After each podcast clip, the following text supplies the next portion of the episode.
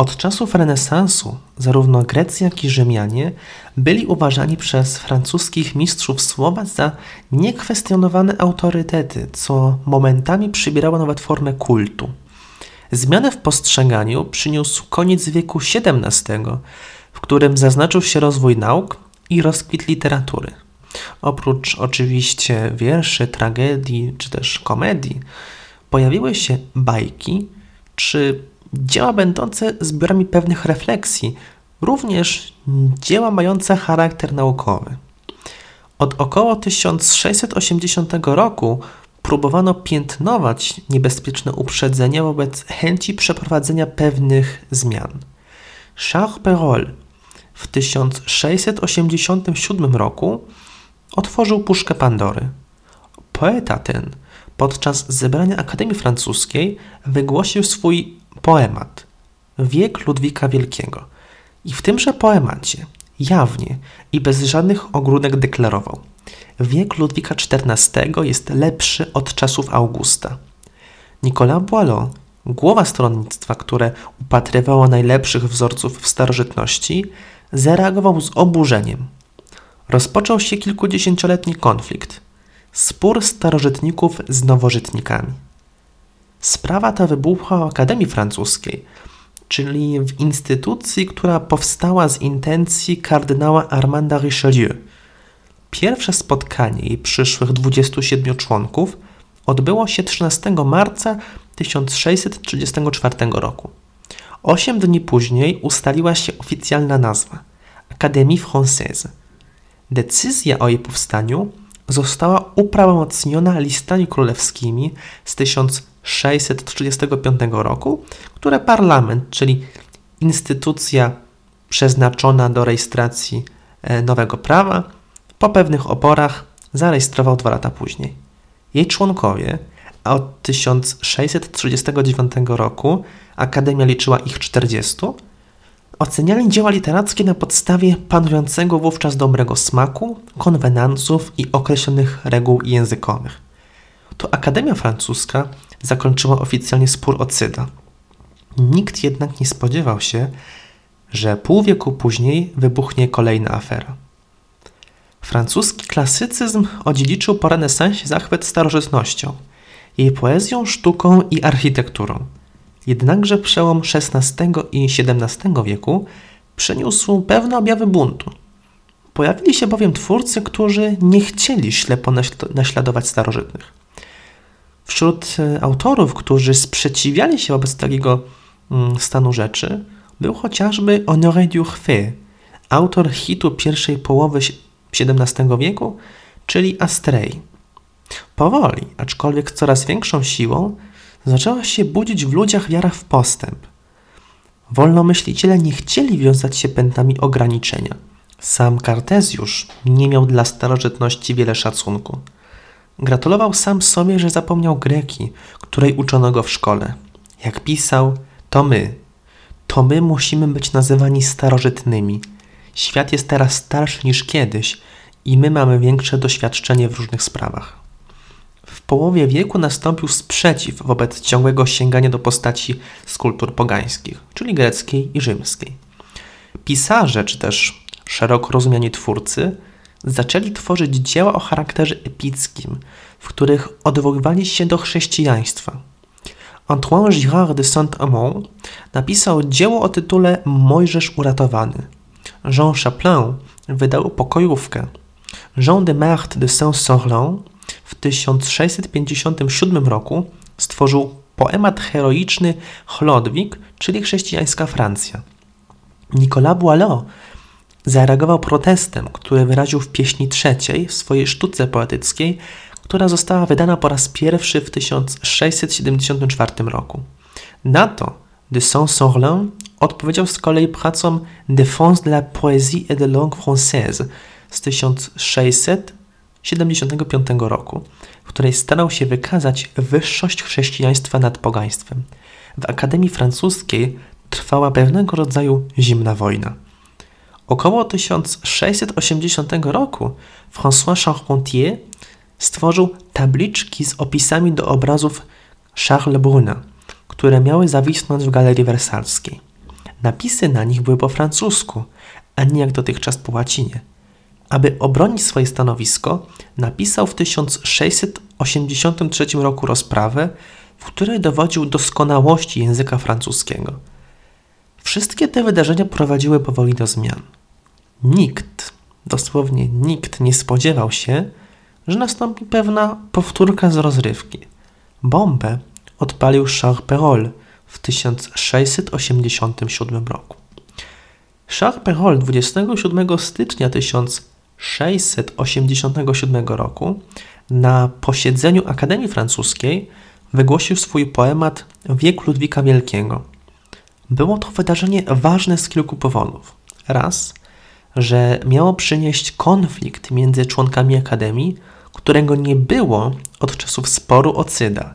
Dwa, świętowano dojście do zdrowia króla Ludwika, który odbywał rekonwalescencję po operacji przetoki odbytu, która miała miejsce 18 listopada 1696 roku. W poemacie Perol krytykuje Homera, wytyka wady starożytnym, chwali współczesnych sobie filozofów i pisarzy, a także twierdzi, że natura we wszystkich wiekach rodziła geniuszy, ale to współcześni, czyli modern, są mądrzejsi niż starożytni, czyli ancien, a przez to ich przewyższają. Nie wiadomo, czy Perol zrobił to nieumyślnie, czy też nie. Jednakże w ten sposób nastąpiło otwarcie kolejnego wielkiego konfliktu. Po stronie starożytników stanęli innymi Nicolas Boileau, Jean Racine, Jean de La Fontaine i Jean de la Bruyère. Przeciwko nim nowożytnicy Charles Perrault, Bernard Fontenelle czy Philippe Quinol. Boileau już w trakcie sesji Akademii wyraził swoje oburzenie. W bardzo krótkim czasie napisał dwa ostre epigramy. Sama Akademia nie do końca wie, jak ma postąpić, ponieważ zaczęła się gubić w ilości i sile wzajemnych oskarżeń. W 1687 roku La Fontaine odpowiedział Peroltowi w liście do w których docenia kilku pisarzy z XVII wieku, ale uważa, że starożytni nie mają sobie równych i należy podążać ich śladem, nie kopiując ich jednak w niewolniczy wręcz sposób.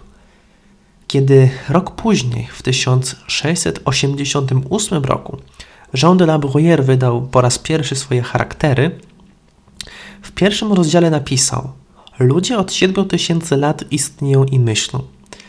Przybywamy za późno. Powiedziano już wszystko, co było do powiedzenia.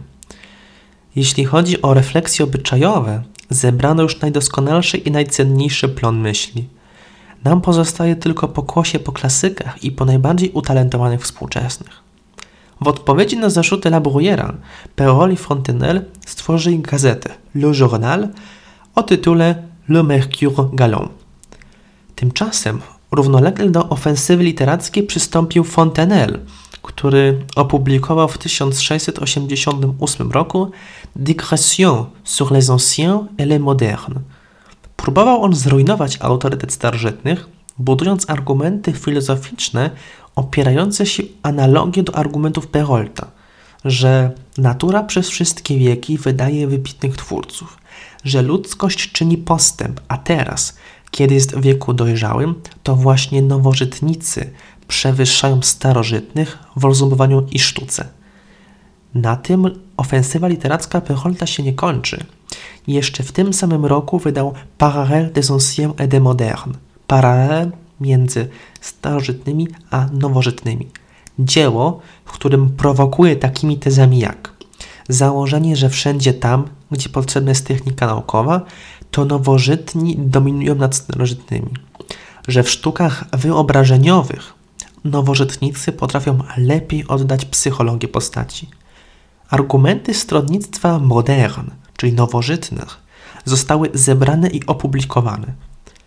Opinia publiczna przyjęła je z wielką przychylnością. Pierwsza faza sporu zakończyła się w 1691 roku wyborem Bernarda Fontenelle do Akademii Francuskiej, co pozornie dawało zwycięstwo nowożytnikom. Starożytnicy jednak nie złożyli broni. Kontratak ze strony nowożytników nastąpił w 1693 roku. Jean de la Bruyère w dziele Discours de réception cytował jedynie swoich stronników, czy też swoich przyjaciół z Akademii, a nie, tak jak było to dotychczas w zwyczaju, członków Akademii. Za, y, zanim za tę zniewagę zemścił się Le Mercure Galon, ze swoimi tekstami od ataku ruszył Boileau. W dziele Od Penderic sur la prise de Namur wytoczył poważne oskarżenia wobec Perolta, a w 1694 roku napisał satyrę dziesiątą, która była przeciwko kobietom, a które, co ciekawe, stały po stronie nowożytników.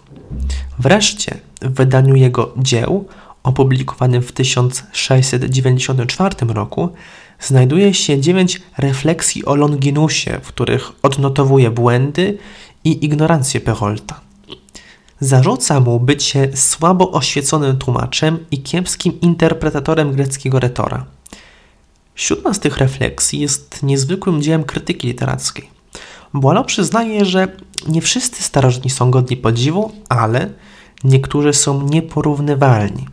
Jeśli chodzi o współczesnych pisarzy, należy ich podziwiać z ostrożnością i dopiero przyszłość pokaże ich prawdziwą cenę. A zatem jest to częściowe przyznanie się do błędu, ale nie całkowite. I kiedy kłótnia starożytników z nowożytnikami osiągnęła punkt kulminacyjny, do sprawy włączył się Antoine Arnold, który zaproponował pogodzenie się przeciwników. Boileau od razu przystał na propozycję i uczcił to wydarzenie epigramem. Napisał także list do Pecholta, który miał się ukazać dopiero w 1700 roku. Obaj tego roku dożyli. Przyznał w nim, że istnieją niezwykle utalentowani współcześni autorzy, a także, że ten wiek, czyli wiek XVII, jest z pewnością dobry, ale nie jest najlepszym ze wszystkich wieków, bowiem wyprzedza inne stulecia starożytne, ale nie czas Augusta. Rozejm nie kończył jednak konfliktu. Pogodzenie się Boileau i Perolta miało jedynie charakter powierzchowny.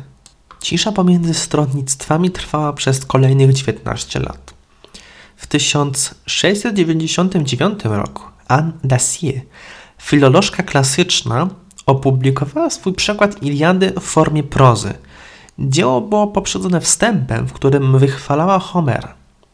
14 lat później, w 1713 roku, uczeń Bernarda Fontenella, czyli Udar de la Motte, zignorował grecki oryginał i inspirując się tłumaczeniem Anne Dacier, skomponował wyretuszowaną Ilianę, którą okrojono z połowy pieśni.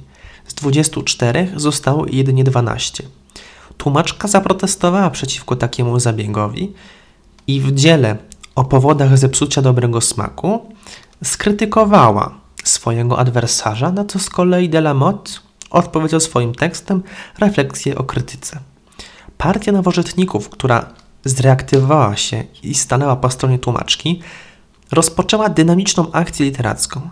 Jean-François Dupont, duchowny, który napisał kilka listów o Iliadzie, ksiądz Terrasson stworzył krytyczną dysertację o Iliadzie, a z zagrobu do walki włączył się jeszcze François Adelin Abbé d'Abignac, który nie żył od 40 lat, ale wcześniej napisał swoje dzieło Przypuszczenia akademickie, w którym w ogóle powątpiewał w istnienie Homera. François Fenelon w liście do Akademii Francuskiej z 1714 roku próbował pogodzić zwaśnione strony i przeciwstawne doktryny. Uważał, że można podziwiać starożytnych pisarzy, ale nie można odmawiać inteligencji i charakteru pisarzom współczesnym. Była to próba arbitrażu, która się jednak nie powiodła. Fenelon zmarł na początku 1715 roku, notabene wyprzedzając o kilka miesięcy Ludwika XIV. Kłótnia zaczęła wygasać sama z siebie, chociaż jej echem było jeszcze dzieło ojca Dubos, krytyczne refleksje o poezji i malarstwie. Kłótnia starożytników z nowożytnikami została w ostatecznym rachunku wygrana przez tych drugich. Kiedy minął wiek Ludwika Wielkiego w 1715 roku, pisarze nie zwracali się już do przeszłości. Szukali idei postępu, które będą wspierać ludzkość, a nie będą naśladować starych wzorów. Rozpoczął się czas rozumu. zwyciężyło indywidualne podejście do problemów, otworzyły się wrota dla metody kartezjańskiej, która odtąd była stosowana do wszystkich dziedzin. W obrębie sztuki Le Moderne zakwestionowali ideał uniwersalności klasycznych pisarzy i zwrócili się ku temu, co było tu i teraz, rozpoczynając w ten sposób od nowej literatury. Stąd też w 1721 roku Montesquieu już wydał listy perskie, które okażą się, wówczas okażą się, dla nas się okazały, hitem. Ale one nie są ani tekstem naukowym, ani dramatem, lecz powieścią epistolarną. Powieścią, czyli gatunkiem, który Boileau jako starożytnik bardzo mocno krytykował. Co jest szczególnie interesujące w tym sporze, to to, że rodził się on przez długi czas, lecz kiedy już wybuchł, stał się prawdziwym polem potyczek intelektualnych i czasem wielkiego fermentu umysłowego. Szukano argumentów wszędzie, odwoływano się do rzeczy wielkich i małych. Akademia Francuska zapłonęła ogniem rozważań i polemik. Lecz kiedy we Francji dyskutowano o kwestiach literackich, po drugiej stronie kanału La Manche trwały rozważania o zupełnie innych kwestiach. Tam panowały poszukiwania naukowe związane z naukami doświadczalnymi. To tam Royal Society podziwiało mikroskopy wynalezione prawie że równolegle przez Roberta Hooka i Antoniego van Leeuwenhoeka. Nie bez przyczyny, jak się wydaje, Paul Azar w swojej książce Kryzys świadomości europejskiej 1680-1715 jeden rozdziałów zatytułował Od starożytności do nowożytności. Czy referat Perolta zapoczątkował wielkie zmiany? Nie. Był jedynie ich wyrażeniem i wzmocnieniem. Problem omawianego sporu jest jedynie wycinkiem szerszych wydarzeń, chociaż sam problem sam jest sam w sobie szeroki. Ale te wydarzenia działy się ponad państwami, ponad ludzkimi głowami. Odkrywanie nowych ziem, poznawanie nowych etnosów to podważyło istotę tożsamości Europejczyków i spowodowało pewne powątpiewanie. Czy kiedyś było dobrze? Możliwe, że tak. Czy będzie lepiej? Jakby odpowiedzieli nowożytnicy, w przyszłości będzie coraz lepiej. Przedstawiony spór, a właściwie jego część, bo opowiedzenie o tym zajęłoby mnóstwo czasu, jest na swój sposób niezwykły. Ten ferment intelektualny jest dowodem kultury polemiki, czasem ostrej, bezczelnej i bezkurtuazyjnej, ale pełnej woli tego, aby przekonać swoich adwersarzy do racji, jakimi się kierujemy. Nie kancelować, ale przekonać.